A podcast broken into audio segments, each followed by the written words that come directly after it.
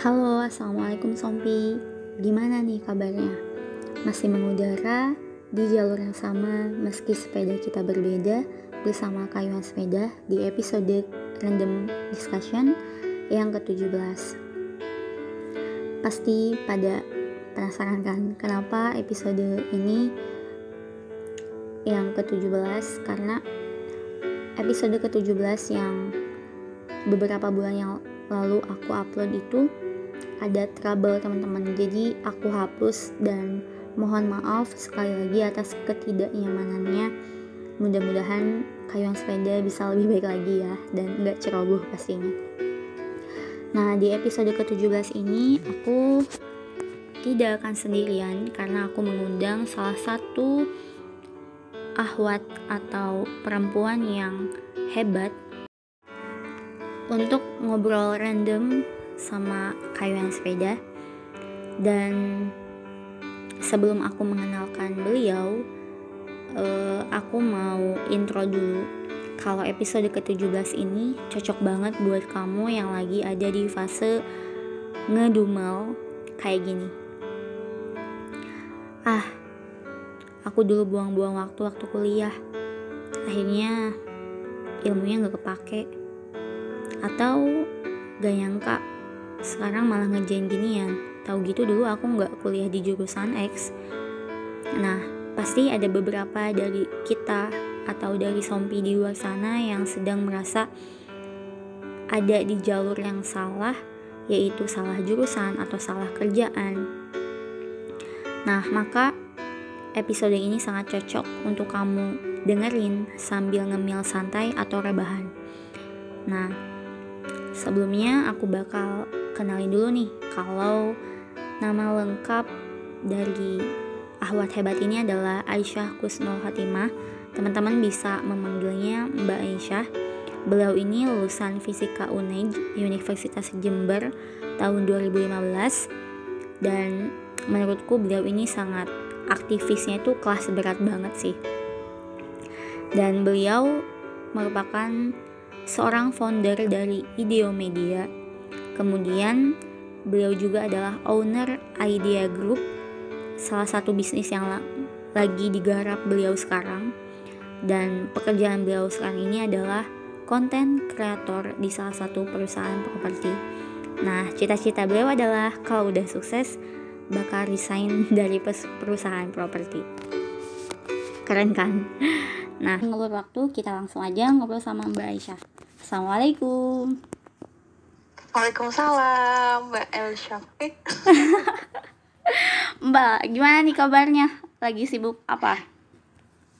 Alhamdulillah baik. Anti sendiri gimana nih kabarnya? Udah berapa tahun kita nggak ketemu ya? Hampir seperempat abad. Masya Allah. Udah hampir berapa kan ya? Usia kita. Seperempat abad usia kita. Astagfirullah. Eh enggak ya mbak, aku masih muda. oh. Astagfirullah. Hampir tiga tahun kayaknya mbak kita nggak ketemu dan alhamdulillah malam ini kita bisa ketemu lagi di Iya, iya. podcast randomnya Kayuhan Sepeda. Makasih ya udah ngeluangin waktu di sela-sela Makasih kesibukan juga ya. Oh. Sok sibuk paling. Ah, enggak. Gini Mbak, eh, kenapa nih aku pengen ngajak ngobrol eh, random tentang ya masalah hidup fresh graduate yang lagi bingung-bingungnya eh mungkin dia dapat kerjaan tapi ngerasa salah kerjaan. Kemudian mungkin ada dari adik-adik aduh adik-adik adik tingkat kita yang ngerasa sedang eh, apa ya Dilema. berjuang juga iya dilema karena salah jurusan karena aku baca nih mbak kalau 87% mahasiswa di Indonesia itu salah pilih jurusan dan 63% orang Indo di Indonesia itu kerjanya nggak sesuai dengan jurusan. Dan aku lihat kalau Mbak Aisyah itu sangat menikmati sekali ketika aku baca-baca status Mbak. Jadi Masya Allah produktif banget gitu. Padahal Mbak ini dari lulusan MIPA Fisika UNED tapi em, kerjaan sekarang itu benar-benar sangat berbeda dari jurusan Mbak sendiri.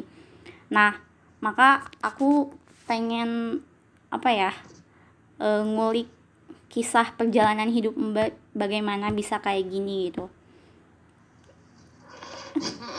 Yang pertama iya. aku pengen nanya menurut mbak kenapa sih milih jurusan itu sulit? Hmm, iya iya sebenarnya emang bener ya bilang salah jurusan ya emang salah maksudnya karena memang nggak sesuai sama passion aku sendiri. Jadi di jurusan fisika itu memang jadi opsi terakhir. Oh gitu opsi terakhir. iya. Ketika SBMPTN dulu emang itu jadi opsi ketiga. Dan oh. alhamdulillah ternyata Allah kasih rezeki di opsi ketiga. Alhamdulillah. Opsi pertamanya apa mbak kalau boleh tahu Uh, sebenarnya passionku itu di kalau nggak di desain grafis, interior hmm. atau arsitektur. Wah, pengennya tuh ke sana. Emang jago banget sih gambarnya. jago banget ya. Iya. Ya, ternyata alhamdulillah dikasih rezeki di jurusan fisika dan benar-benar nggak terprediksi bahwa itu keterimanya di Jember. Karena oh, memang nggak ya. pernah sini ya nggak pernah di nggak pernah ke Jember nggak pernah nggak pernah ya main atau lihat di peta pun ya ketika udah diterima itu jadi ya sen seneng karena di sisi di satu sisi kan banyak ya yang nggak keterima SBMPTN dan masih harus berjuang lagi dan yeah. lain sebagainya di hmm. tahun itu tapi ya sambil sedihnya karena nggak sesuai ekspektasi dan nggak tahu Jember itu ada di mana di peta waktu itu. Waktu itu ya cuman lagi-lagi uh, kalau misalkan dibalikin ya dibalikin terus kemudian dijalanin ketika diterima di jurusan fisika nah ternyata banyak banget hikmah yang bisa diambil. Entah itu dari segi teman-teman yang ada di Jember terus kemudian juga kalau nggak di fisika MIPA kayaknya juga nggak ketemu gitu ya. Iya masya Allah ya. Masya Allah alhamdulillah. jadi banyak ternyata ketika dijalani uh, hikmah itu baru kerasa gitu kan. Dan di situ akhirnya banyak bersyukur ketika dijalanin. Alhamdulillah dan seberapa lama gitu Mbak mempertimbangkan untuk mengambil fisika gitu? Kalau bagi aku ya Mbak fisika tuh bener-bener aduh apaan sih? Kayak ya bener-bener aduh udahlah kalau urusan fisika masalah turunan rumusnya apanya lah udahlah. Kayak susah banget gitu.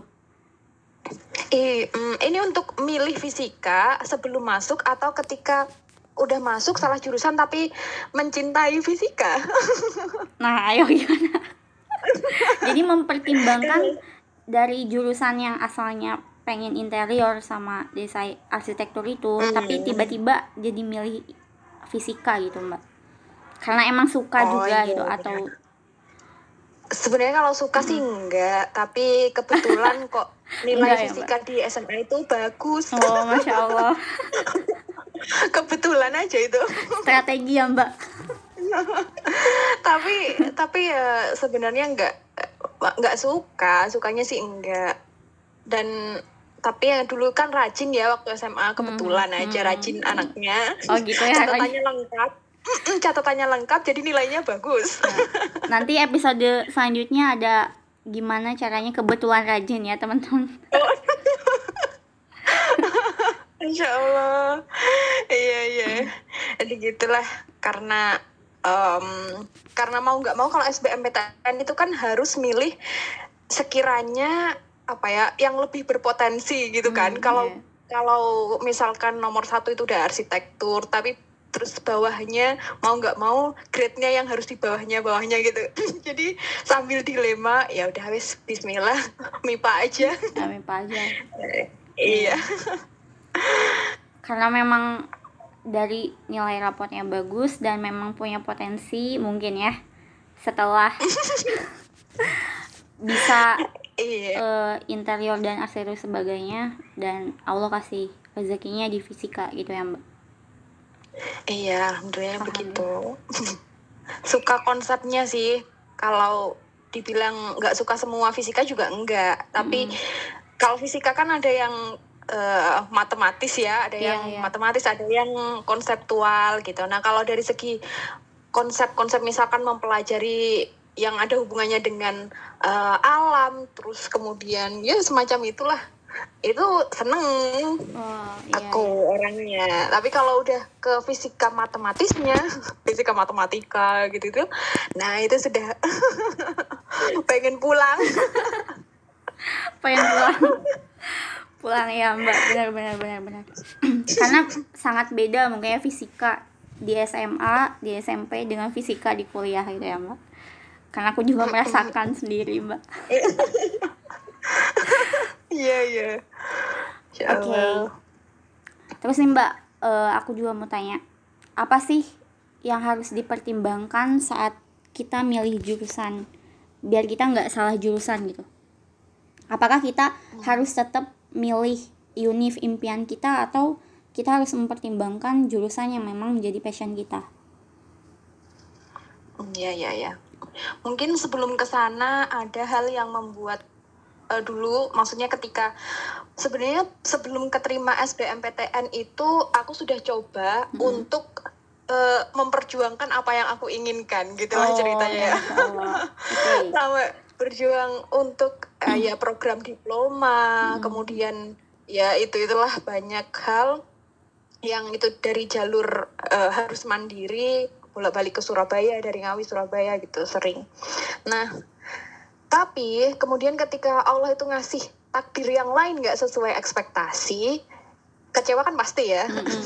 Iya tapi di wajar. situ ada hal yang menurutku paling fundamental gitu lah yaitu sesuatu yang eh, kita tuh harus paham mana wilayah kita dan mana wilayahnya Allah Hmm. jadi dari segi keyakinan itu kita emang benar-benar harus kuat sebelum kita menentukan menentukan eh, kita harus sesuai passion maksudnya milih jurusan harus sesuai passion memperjuangkan itu terus kekeh dan ideal dengan itu atau ya udah ketika diterima ini ya udah dijalanin nah Hmm. sebelum ke sana kita mungkin harus meluruskan itu tadi mana wilayah kita mana wilayahnya Allah Masya Allah. dan ketika Iya. ya ketika eh ketika, ketika kita udah berusaha sesuai dengan passion kita ya memperjuangkan passion kita terus nggak keterima ya kalaupun kecewa tuh bentar Iya, iya. sampai frustasi gitu kan ya nggak sampai frustasi jadi nggak ada salahnya sih ketika kita itu pengen memperjuangkan apa yang menjadi cita-cita kita, passion kita, kesukaan kita. Tapi yang perlu diingat, hasil itu wilayahnya Allah. Sementara ya ikhtiar itu yang harus kita maksimalkan. Kalau kemudian hasilnya ternyata nggak sesuai dengan ekspektasi, ya udah ikhlaskan. Di situ kan ini ya ujian batin Iya, yang luar iya banget mbak. biasa. Hmm. Itu sih. Jadi masalah susah atau nggak susahnya kan tergantung persepsi kita tadi ya. Hmm. Sadar nggak mana sih wilayah kita dan juga mana wilayahnya Allah. Kalau udah begitu, insya Allah ini nggak cuma masalah milih jurusan aja kali ya, milih apa pun benar ketika mbak. Hmm. hal yang nggak sesuai dengan ekspektasi, ya kita harus kembalikan lagi bahwa ya mana wilayah kita, ya itu yang harus kita maksimalkan hasilnya. Ya udah, itu kan nggak dihisap, apalagi kita muslim ya. Kalau sebagai seorang muslim, ya kita fokus dengan apa yang dihisap, mana yang bernilai pahala dan dosa, ya itu yang jadi fokus kita. Kalau Iya. hasil kan Hmm. enggak ya. Iya benar mbak. Nah tapi masalah tentang kecewa nih mbak. Eh, apa pasti mbak juga merasakan kekecewaan gitu kan nggak sesuai Iya, dengan iya. ekspektasi mbak sendiri nah pernah nggak sih mbak eh, ketika mbak memang menerima si fisika itu tapi ketika menjalaninya terasa berat dan tiba-tiba pas di tengah jalan ih aku mau SBM lagi gitu tahun depan. Jadi kayak memperjuangkan lagi passion mbak. Ya gitu. Atau memang sudah sadar sendirinya dan sembuh oleh waktu? Iya iya.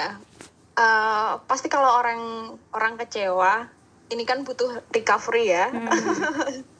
banget Untuk mengembalikan lagi tadi persepsi tadi. Nah, alhamdulillahnya dengan bekal persepsi mana wilayahku dan mana wilayahnya Allah, akhirnya kan meskipun berat dan itu mungkin kalau ini jauh banget ya dari cita-citaku gitu Iya. kan seakan-akan tapi alhamdulillah karena karena eh, semacam tadi ya gara-gara sadar. Dan terlebih tujuan kuliah itu bukan kalau aku sendiri sih. Kalau aku sendiri bukan hanya sebatas untuk mm, mengejar cita-cita dunia gitu enggak. Tapi bagaimana supaya aku dapat pengalaman yang lebih banyak kemudian relasi yang lebih luas ilmu agama entah itu ilmu dunia itu yang aku pengen dapatkan ketika kuliah. Jadi ketika eh apa semacam masa penyesuaian dari kecewa itu nggak sampai satu semester. Hmm, ketika iya, aku iya. udah diterima di fisika ya eh, nggak nggak kecewa ber nggak sampai Iya. nggak sampai satu tahun ke depan itu enggak jadi kalau niat mau SBM lagi nggak pernah nggak pernah ada. Tapi aku lebih fokus kepada oh ini jurusan nggak sesuai nih sama passionku. Jadi aku harus punya eh aktivitas atau komunitas atau aku harus belajar hal yang lain di luar perkuliahan yang itu akan mengupgrade skillku sesuai dengan passionku. Gitu. Aku fokusnya sih ke sana. Wah, masya Allah. beda beda beda. gitu.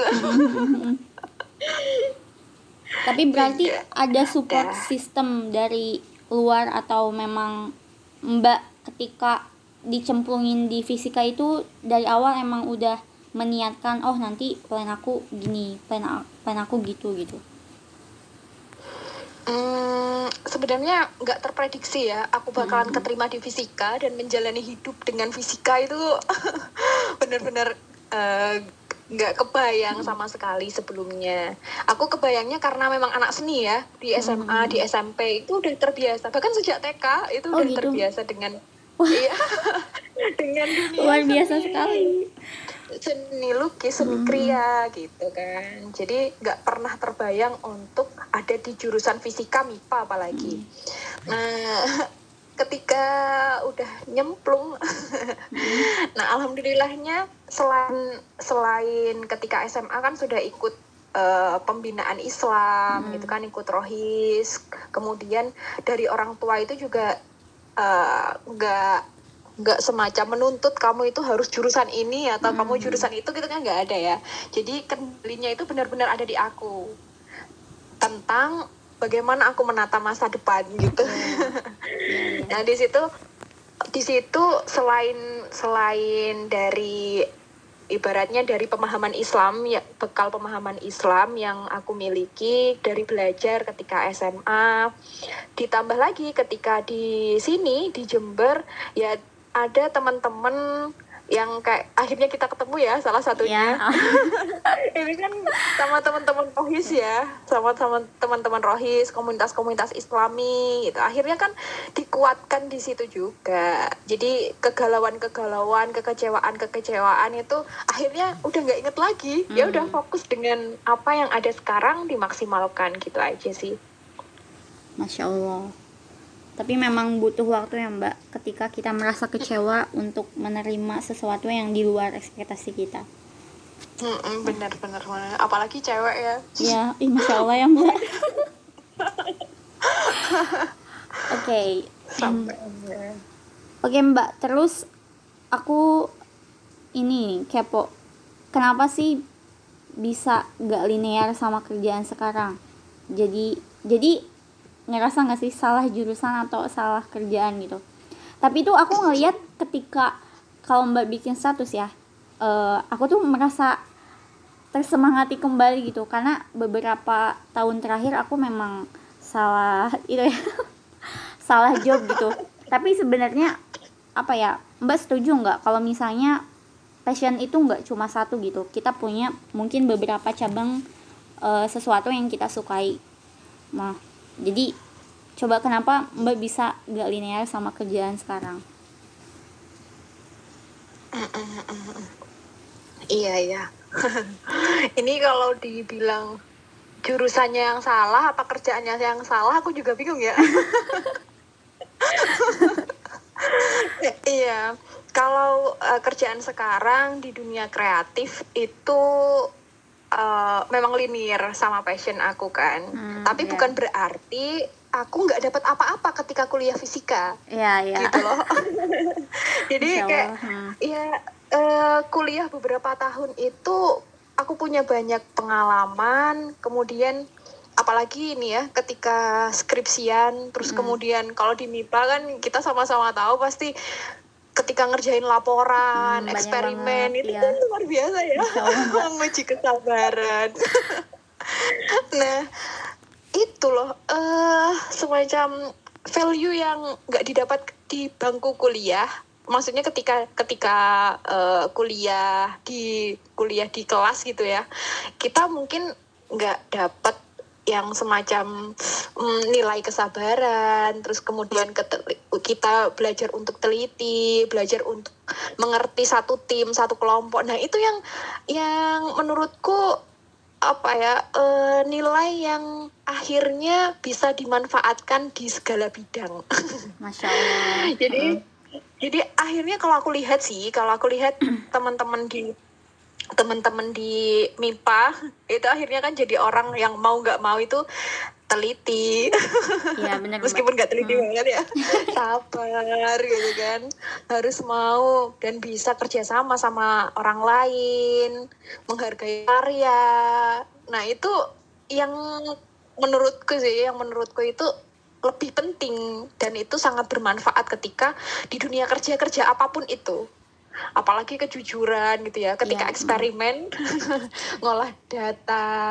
Itu kan juga eh, apa perang kejujuran juga di Iya. situ. Jadi itu yang menurutku banyak banget manfaatnya. Dan termasuk ketika di kerjaan sekarang ya di kerjaan sekarang bikin konten itu kan. Sebenarnya nggak kebayang sih kerjaan-kerjaan di tahun 2021 ini atau sejak tahun kemarin ya. Mhm. kerja bikin konten terus kemudian voice over terus apa copywriting. Mhm. nah itu nggak kebayang bahwa pekerjaan kayak gitu ada ya dan dibayar. Dibutuhkan gitu Iya, sama dunia sekarang. Eh, dan ya dari situlah akhirnya menikmati semuanya dan lagi-lagi kembali ke tadi kalau kemudian Allah itu takdirkan aku di fisika berarti itu yang terbaik Mhm. kalau kemudian setelah itu ternyata Allah kasih kerjaan di sini uh, atau mungkin aku bisa bisa maksudnya ngembangin bisnis ya merintis bisnis yang itu nggak relate sama fisika tadi Hmm. ternyata bisa ya udah berarti rizkinya ya udah dari situ gitu dan itu udah ya udah dijalanin aja dan dimaksimalkan di situ yang penting kalau aku sendiri sih eh, sebagai seorang muslim ya lagi-lagi sebagai seorang muslim ya kembali lagi lah kepada tujuan hidup yang sebenarnya Iya, betul. Mhm. Hmm, buat beribadah tadi. Jadi bagiku meskipun mau relate kah eh, jobnya atau enggak kah atau kita suka atau enggak suka, tapi kalau misalkan itu semuanya eh, on the track untuk beribadah kepada Allah, ya menurutku nggak masalah. Tuh. Masya Allah. Jadi selama memang kita sudah paham untuk siapa kita berkarya, bekerja dan menjalani semua itu karena Allah, kita udah pasti bisa sangat enjoy gitu ya Mbak untuk eh, menghadapinya gitu. Tapi Mbak, aku juga penasaran apakah ketika kuliah ini Mbak memang sudah mengasah skill ini di samping Mbak memang sangat aktif rohis gitu. Eh, Mbak memang ikut eh, apa ya? kayak workshop tentang copywriting atau kayak digital marketing gitu Mbak. Gimana? Atau emang Mbak otodidak sendiri? Hmm, kalau di kampus sih enggak ya, enggak ikut ya. Kalau di kampus cuman eh rohis aja, fokus ke sana. Tapi kalau di luar, ya salah satunya ini ya, salah satunya akhirnya menginisiasi idiomedia itu ya Hmm. gara-gara passionku itu di bidang media. Eh, akhirnya ya bikin komunitas itu dan belajarnya dari mana semuanya dari online akhirnya ikutan e-course gitu kan Hmm. beli beli atau ikut eh, course online yang lain gitu ya udah dari situlah akhirnya kita punya teman-teman yang satu passion ya akhirnya Iya. kita ngumpul ya udahlah mending diinisiasi eh, komunitas aja yang di situ memang untuk eh, mengupgrade skill di bidang media dan semuanya itu untuk dakwah gitu Masya Allah. Gitu sih. Di bis- selain kuliah ya. Iya iya iya. maksudnya kuliahnya juga tetap belajar fisikanya tetap Dan yang lain memang skillnya eh, ditambah juga ya Mbak. Mm-mm, iya benar. Mau nggak mau begitu. Iya. karena memang ya gimana ya? Eh aku tuh kayak semacam selagi kita punya banyak kesempatan apalagi kan kalau masa-masa kayak kita ini potensi tuh lagi oke-okenya ya. Mm-mm. lagi ya lagi semangat semangatnya kita masih belum banyak beban misalkan ya keluarga anak suami itu kan belum ada ya. Jadi waktu belajar itu masih banyak banget dan ini kayak semacam momen emas yang harus banget ini kita manfaatkan Iya. gitu yang bikin semangat Iya. Selagi masih muda ya Mbak. Mm-mm, bener bener Oke. Terus gimana nih cara Mbak meyakinkan orang tua Mbak ketika Mbak eh, sangat menyeberang dari jurusan yang sebenarnya gitu? Apakah orang tua eh, merasa kecewa ketika mungkin ya maksudnya fisikanya nggak kepake gitu? Itu kan mungkin ada beberapa orang tua yang mikirnya kayak gitu, udah kuliah ke jurusan ini tapi si ilmunya nggak dipakai. Kayak gimana Mbak meyakinkan orang tua untuk eh, agar agar diyakinkan oh kalau ini juga sangat bermanfaat gitu. Hmm, ya ya ya. Mm, Ini mungkin jadi eh, tantangan banyak orang ya, Mm-mm. apalagi kalau orang tuanya misalkan kayak ideal pengen anaknya jadi pegawai gitu, Nah, misalnya. itu. Iya Mbak, benar. iya iya iya. Ini ini sih memang eh apa ya nggak nggak auto nggak auto diceramahin kenapa harus milih ini kenapa nggak milih itu gitu Mm. kalau ke orang tua sih ya Iya, kalau iya. ke orang. Jadi memang harus eh kalau aku sih menurut aku pondasi antara anak dan orang tua itu harus sama. Eh gini nih pondasinya itu ya tadi ya kayak visi hidup kita itu kalau kita punya kita sebagai seorang muslim sama-sama muslim orang tua kita muslim visi ibadah terus kemudian rizki itu di tangan Allah Mm-mm. nah itu tuh harus sama kalau menurut aku ketika itu udah sama masalah kerjaan itu gampang banget Iya iya. Mm. dan dan itu tuh aku rasain karena eh, semacam ngobrolin tentang tentang kerjaan yang kemungkinan nggak relate dengan jurusan itu bukan aku ngobrolnya bukan pas semester akhir tapi Mhm. sejak dulu ketika aku masuk di fisika aku tuh udah banyak ngobrol tentang eh, apa potensi pekerjaan yang nggak relate dengan jurusan. Karena kan gitu, faktanya udah udah banyak ya Iya. setelah lulus eh, S1 itu kan pasti sibuk ya nyari kerjaan dan sulit gitu loh Iya Mbak. cari kerjaan yang relate sama jurusannya apalagi aku sendiri tuh nggak sesuai jurusan ini sama passionku jadi kan memang ibaratnya itu ngobrol sama orang tua itu harus jauh-jauh hari lah Mhm. jadi ketika ketika udah masa-masa akhir akhir-akhir kuliah ya udah nggak ada pertentangan lagi terserah gitu. Udah di kamu sudah besar kamu yang merencanakan masa depanmu sendiri orang tua itu insya Allah mensupport apa pun yang jadi pilihan kamu. Karena udah yakin udah sama-sama sama-sama jalannya nih. Rizki itu di tangannya Allah. Jadi masalah rizki dikasih berapa dari jalan mana yang penting halal hidupnya bermanfaat gitu ya udah Hmm. Tuh, jadi kalau orang tuaku pribadi sih seperti itu. Tapi mungkin bisa jadi orang tua yang lain ada ya yang kondisinya beda. Mhm. Nah, nah tipsnya gimana Mbak Eh, untuk meyakinkan ketika kondisi Mbak dengan eh, orang lain tuh kan beda ya. Bagaimana cara Mhm. untuk memulai mengkomunikasikannya gitu? Karena mungkin ada orang tua yang nggak paham anaknya gitu kan dan uh, kita Iya. juga nggak paham keinginan orang tua gitu Benar-benar. Memang satu-satunya cara itu hanya komunikasi ini ya. iya benar Artinya eh momen untuk deep talk sama orang tua itu harus benar-benar dibanyakin. Dan jangan sampai kita itu eh, ketika komunikasi sama mereka-mereka ya sama ayah dan ibu kita, jangan sampai kita itu semacam menggurui. Mm-mm. Meskipun mungkin bisa jadi orang tua kita pendidikannya lebih rendah mungkin atau mungkin ya apalah pengalaman kita lebih banyak dan lain sebagainya. Nah itu kesampingkan semua ego kita dan kita tetap posisikan sebagai anak. Jadi komunikasinya ya seperti anak ke orang tua. Jangan sampai menggurui dan otomatis harus cari momen-momen yang tepat. Kita harus kenal deket lah sama orang tua kita eh mungkin kalau misalkan kita banyak waktu di rumah eh, ekspresi cinta kita ke mereka itu banyak-banyakin.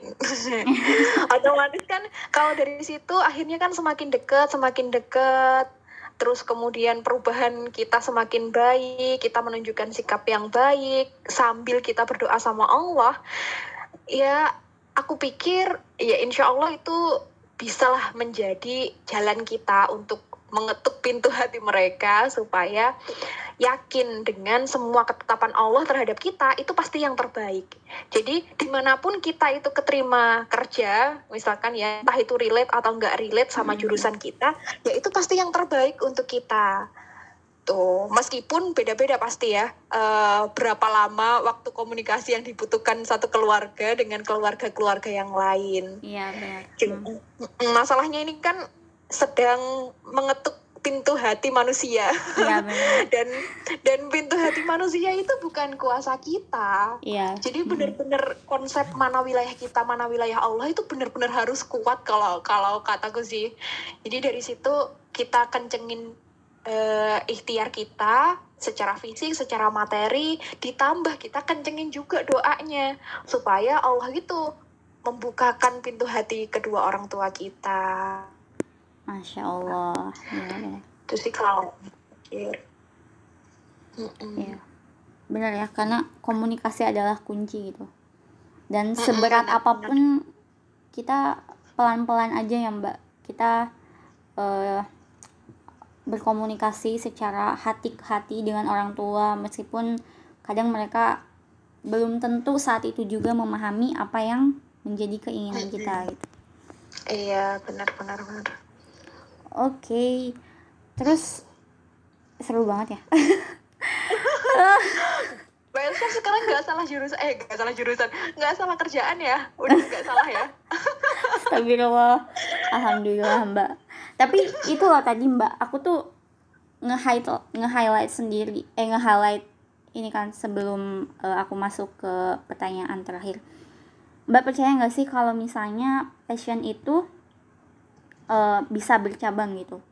Jadi ketika Mbak kan tetap bisa menikmati eh, fisika lah kita sebut dan Mbak juga bisa menambah skill di passion yang Mbak inginkan.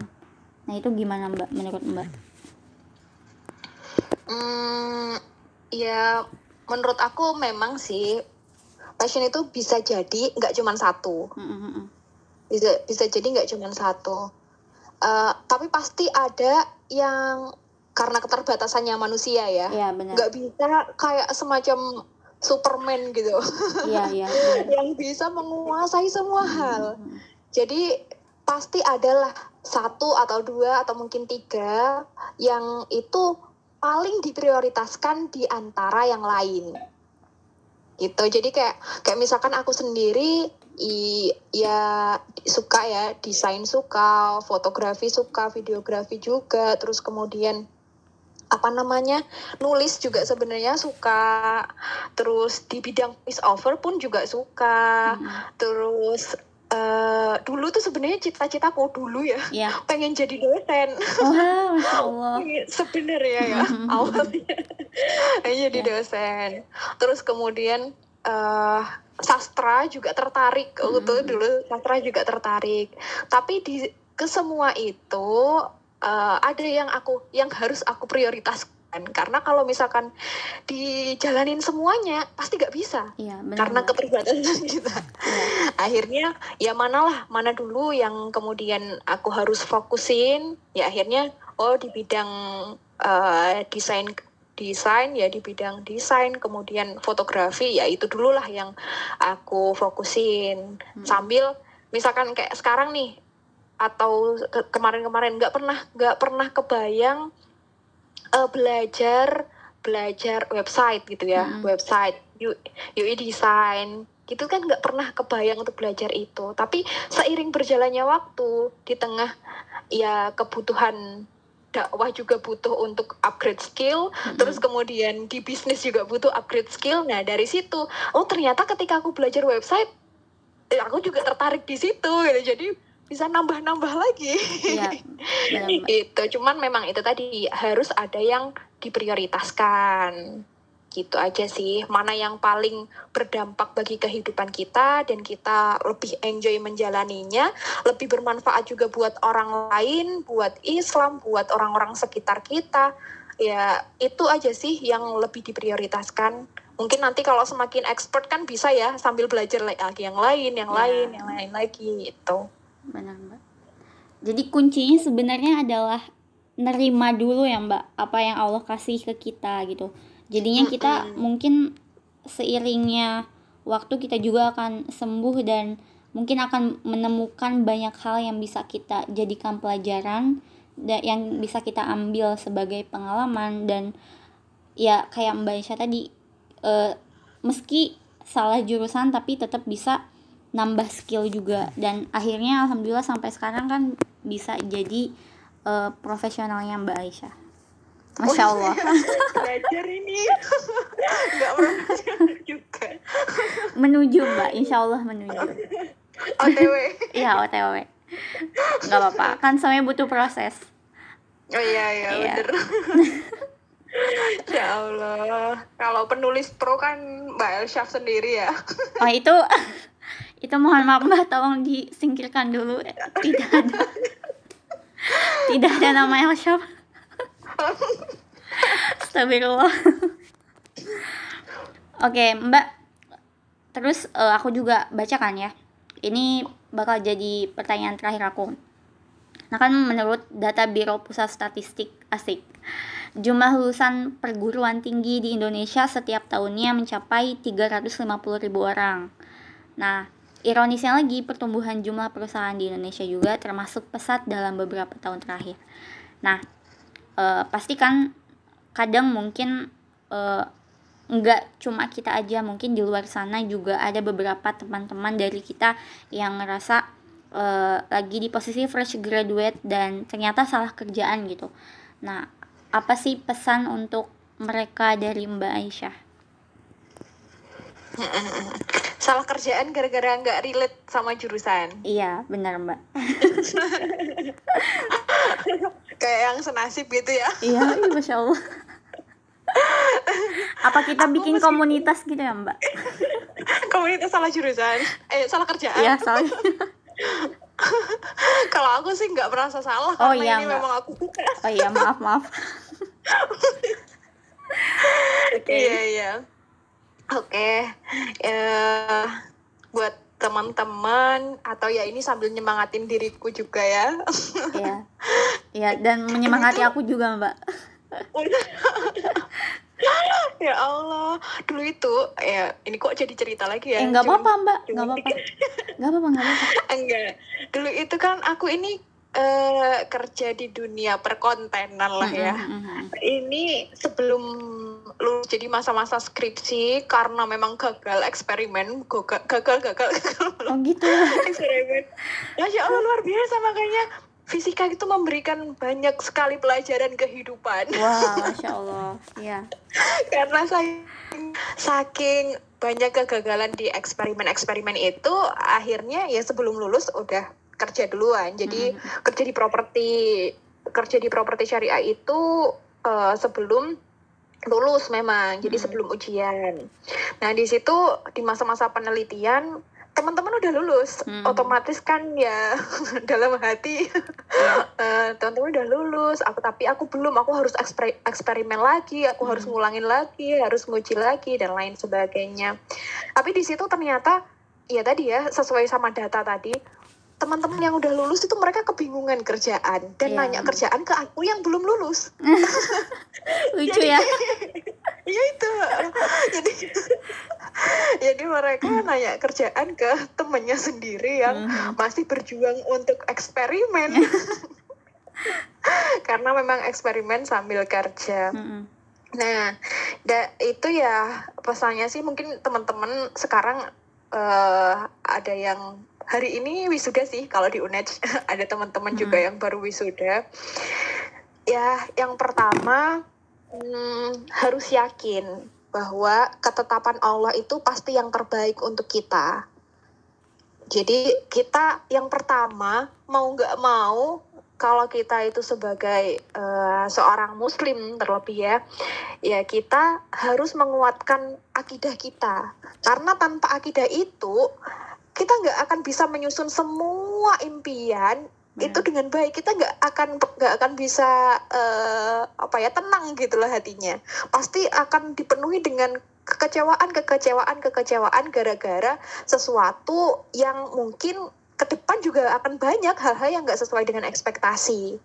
Itu jadi yang pertama eh, apa pun kondisinya apa pun yang Allah takdirkan terhadap kita kita harus menguatkan keyakinan kita, menguatkan akidah kita, ya banyak-banyakin lah eh, mengkaji Islam, terus kemudian ya dengerin kajiannya ustadz-ustadz, itu cari lingkungan-lingkungan yang menguatkan akidah kita juga, biar kita itu yakin seyakin-yakinnya bahwa ketetapan Allah itu adalah yang terbaik untuk kita. Itu dulu yang pertama.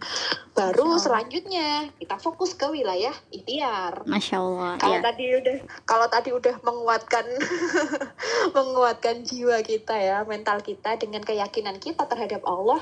Yang kedua, kita fokus ke wilayah ikhtiar kita. Kalau misalkan memang sekarang posisinya belum dapat kerjaan, misal ya, belum Mm-mm. dapat kerjaan, ya udah. Eh, saatnya sambil sabar lagi ya, sambil menguatkan akidah, kita ya harus ikhtiar untuk cari kerjaan apa pun yang sekiranya kita mampu gitulah ya. Yang mungkin mau nggak mau itu adanya. Misalkan adanya yang nggak sesuai dengan passion kita atau nggak sesuai sama jurusan kita ya kalau memang kondisinya kita lagi butuh uang kan Iya, kondisinya beda-beda ya hmm. Iya, iya. ada yang ada yang memang eh, anaknya sultan yang meskipun nggak kerja juga nggak apa-apa Iya. Punya hak privilege yang banyak ya, Mbak. iya iya itu kan juga nggak masalah ya tapi kalau misalkan kondisinya itu fresh graduate yang butuh kerjaan karena memang keluarganya juga eh, butuh disupport dana misalkan ya Mm-mm. jadi ya kita harus ikhtiar apa dulu gitulah ya apa dulu yang bisa kita kerjakan yang sekiranya itu bisa eh inilah supaya kita tuh dapat nafkah lah ya Iya. rezeki gitu. Jadi jalan kita untuk mendapatkan rezeki atau halal on the track ya sesuai dengan apa yang disyariatkan Allah kita niatnya baik ya pasti ada jalannya. Itu kalau bagi yang butuh duit ya. Tapi kalau anak sultan pengen ngejar passion ya nggak masalah lah. Uang dia juga. Masih disupport gitu. bener bener bener. Dari- dari keluarganya kan mungkin nggak terlalu butuh duit ya. Hmm. jadi dia kalau misalkan masih masih idealis dengan mimpinya dengan passionnya ya udah nggak masalah. Itu diasah terus skillnya yang penting tadi sesuai dengan pondasinya gitu kan percuma sih kalau misalkan kita itu punya kedudukan tinggi kita punya jabatan punya kerjaan yang itu sesuai dengan jurusan plus sesuai dengan passion kita kita nyaman di sana tapi hidup kita itu bukan buat Allah itu kan Iya. akhirnya percuma ya di dunia Betul, mungkin Mhm. dapet sih gitu ya Iya. dapet hal-hal yang sifatnya itu materi tapi semuanya itu nanti akan sia-sia kalau tiba-tiba kita mati kayak sering ya kemarin-kemarin gempa Iya. sering banget macem-macem itu bencana alam dan kita nggak pernah tahu kapan giliran kita dipanggil sama yang menciptakan kita.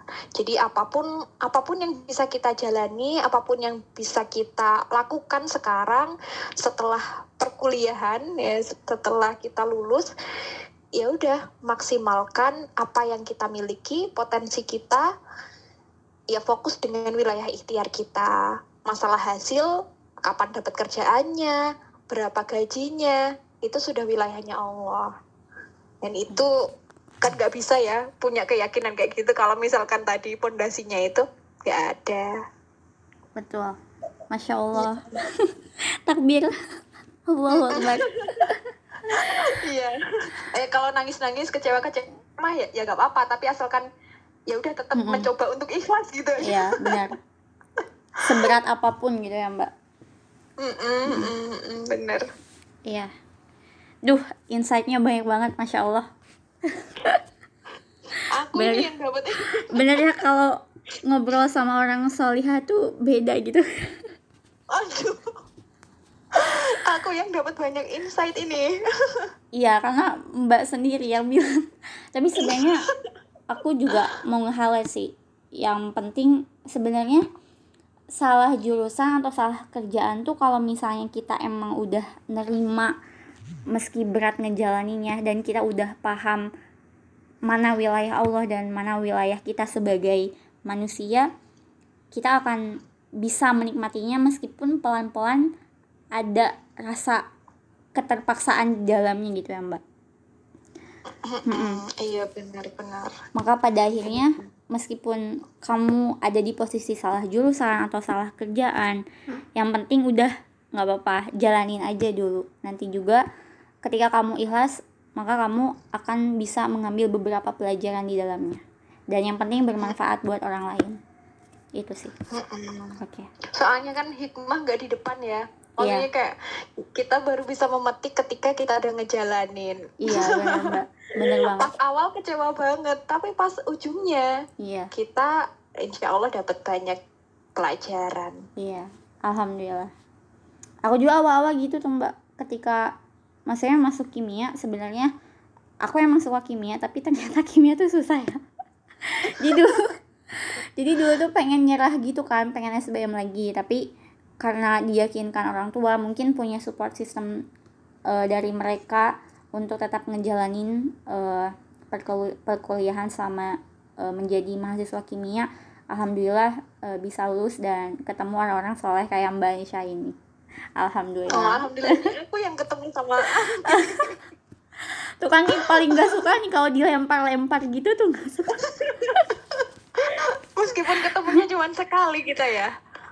Sekali atau dua kali sih Mbak. Kok bisa dua? Di di Solo sama di Jogja deh atau atau apa ya? Solo dua kali deh kalau nggak salah. Oh iya. oh iya iya. Dua kali kalau nggak salah.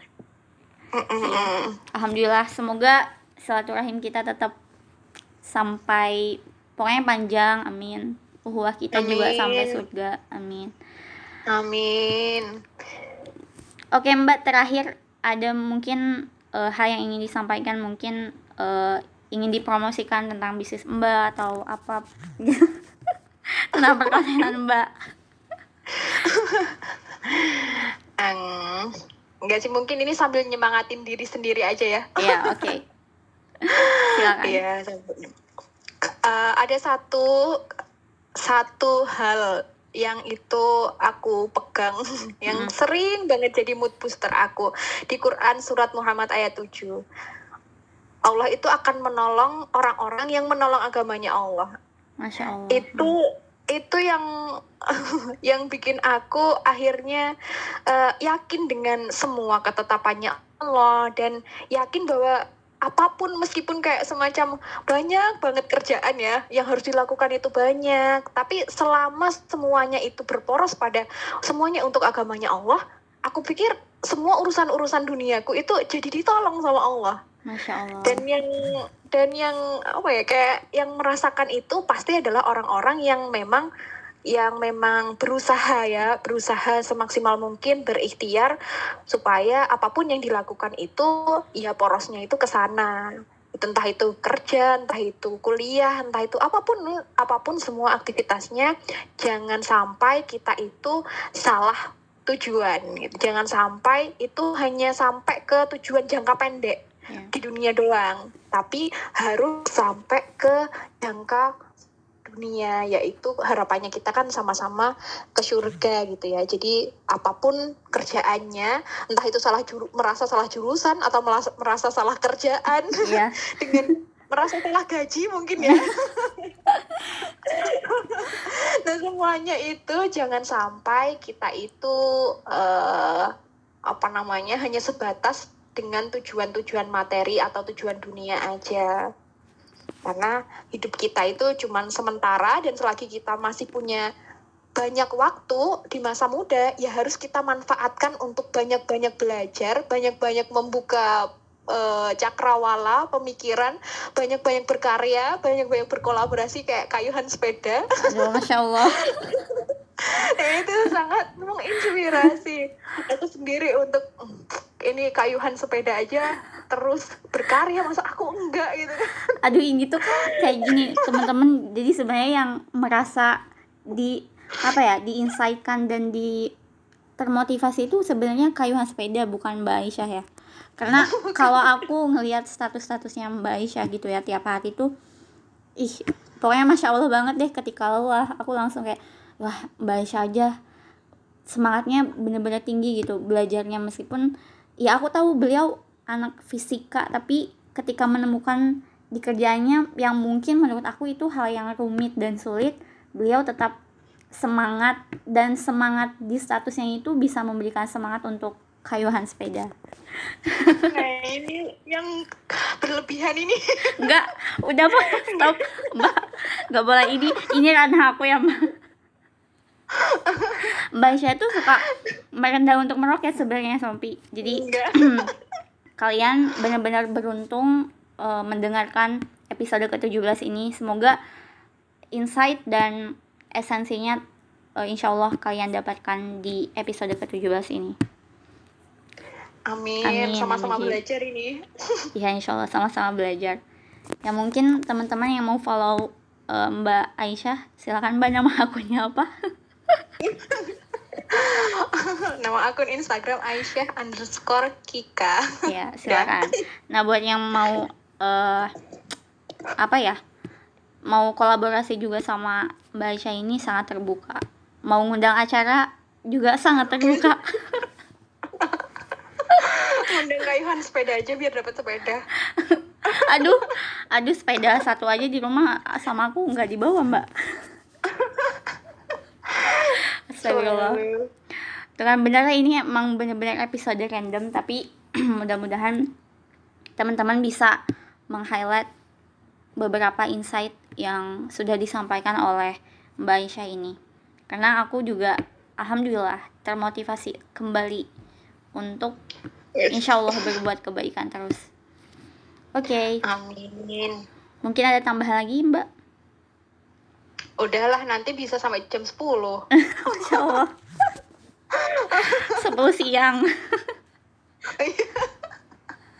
bahaya bisa gak tidur Oke, kalau gitu eh, jazakillah khairan Mbak. Terima kasih banyak untuk kesempatannya dan terima kasih sekali eh, untuk meluangkan waktunya karena hadir di podcast randomnya Kayuhan Sepeda. Mudah-mudahan bisa jadi amal jariah buat Mbak dan bisa menjadi pe- pelajaran untuk host Kayuhan Sepeda dan bagi teman-teman yang mendengarkan di luar sana. Mungkin teman-teman. Sompi eh, sekian dari kami. Semoga bermanfaat dan jika bermanfaat tolong di-share ya. Jangan lupa eh, dengerin terus Kayuhan Sepeda dan sampai jumpa di episode selanjutnya. Wassalamualaikum warahmatullahi wabarakatuh.